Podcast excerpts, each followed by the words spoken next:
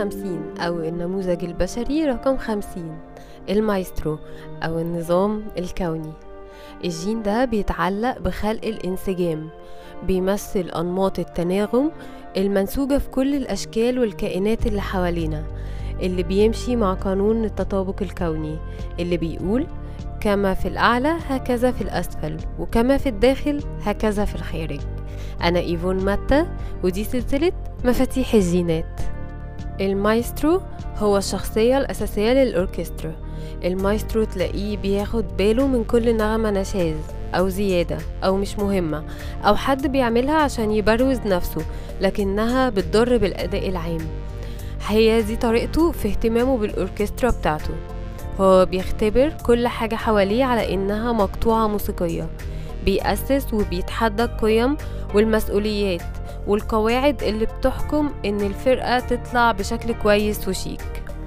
بيعرف إحساسه كده شكل وصوت التوازن والهارموني والانسجام.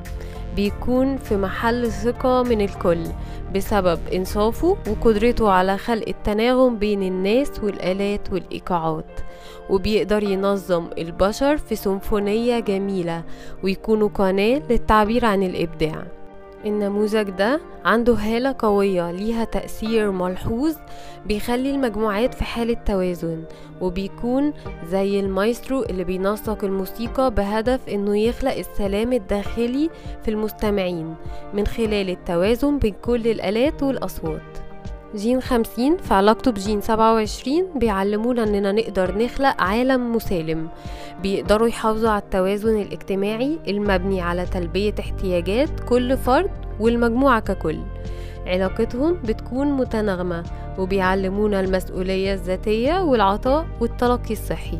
أفضل صديق لجين خمسين هو جين أربعة وأربعين.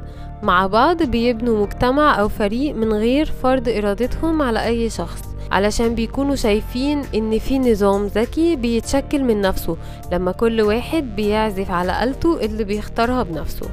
مجتمعهم بيشع بالصحة بسبب ثقتهم في كل أفراد الفريق وإن هم بيدوهم حريتهم الخاصة عشان يساهموا في نظام الفريق. أهم حاجة عند جين خمسين إنه يحافظ على سلامة الكل سواء أشخاص أو آلات.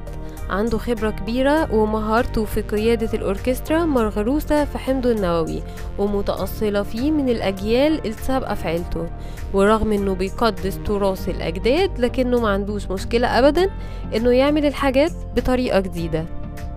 مع جين تلاتة عندهم استعداد يعملوا حاجة وبعدين يهدوها تماما عشان يعملوا حاجة جديدة غيرها. قادرين يحرفوا القواعد ويخترقوها ويكرموا التراث وفي نفس الوقت يرتجلوا وبالتالي بيحولوا التركيبات القديمة لتحف فنية مبتكرة وعشان كده بيتطوروا باستمرار. جين خمسين في الظل بيكون ضحية الحاجة للانسجام الاجتماعي والحفاظ على العلاقات. بتكون ضايع في معضلة إنك عايز تكيف اللحن وتخليه في انسجام. فبتلجأ للتسلسل الهرمي اللي غالبا ما بيخلق بين الناس الغيرة والحقد والطمع وهو ده أصل الفساد. بتخلق تنافر اجتماعي وعشان كده الظل بيكون الفساد. وخلال تركيزك في إنك تعمل علاقات وإنك تحافظ عليها منسجمة بتتعامل بطريقتين. في الطريقة القمعية بتكون مهموم شايل هم إن كل حاجة تكون متناسقة. ممكن تتماشى مع التيار لو تم تجاوزك وبتقمع شخصيتك لإنك ببساطة محتاج تنسجم مع ناس تانية. أما في الطبيعة التفاعلية فبتكون غير مسؤول مش قائد حقيقي لكن بدل ما تقود بتحاول تسيطر وتتحكم عشان تحافظ على الانسجام. لكن لما بتحول ترددات الخوف اللي جواك من غيرة وحقد وفساد اللي بتخلق اضطهاد للأفراد أو مجموعات معينة علشان يضمن بقاء مجموعة أعلى في التسلسل الهرمي بتوصل للهدية وهي التوازن. انت تقدر تكون شخص عنده قدرة على فهم العدالة والحفاظ عليها وعندك كمان ذكاء التنظيم الذاتي. بمعنى انك لما تدخل مكان فيه ناس كتير تكون الشخص اللي بيحافظ على توازن المجموعة بشكل طبيعي جدا من غير ما حتى تحاول ده.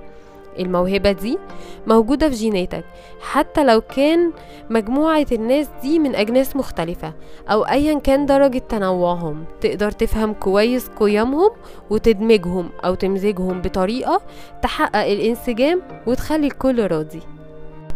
أما في المستوى الثالث فبتوصل للانسجام والتآلف والوئام. هتفضل الحياة تختبرنا طول الوقت عشان نحافظ على التوازن الداخلي والاستقرار. عشان كده محتاجين نواجه كل تحدي بالتكيف الإبداعي. ولما تبتدي تتناغم جوه نفسك هتتناغم مع الكون كله. الانسجام والهارموني بيبدأ من جواك مش بمحاولة السيطرة على الانسجام من بره. إلى اللقاء مع جين 51 واكتب لي في الكومنتات لو كان عندك ودن موسيقية وبتعرف تميز الانسجام بين النغمات. ولو عجبك الفيديو أعمل like واشترك في القناة وفعل الجرس عشان توصلك كل الحلقات.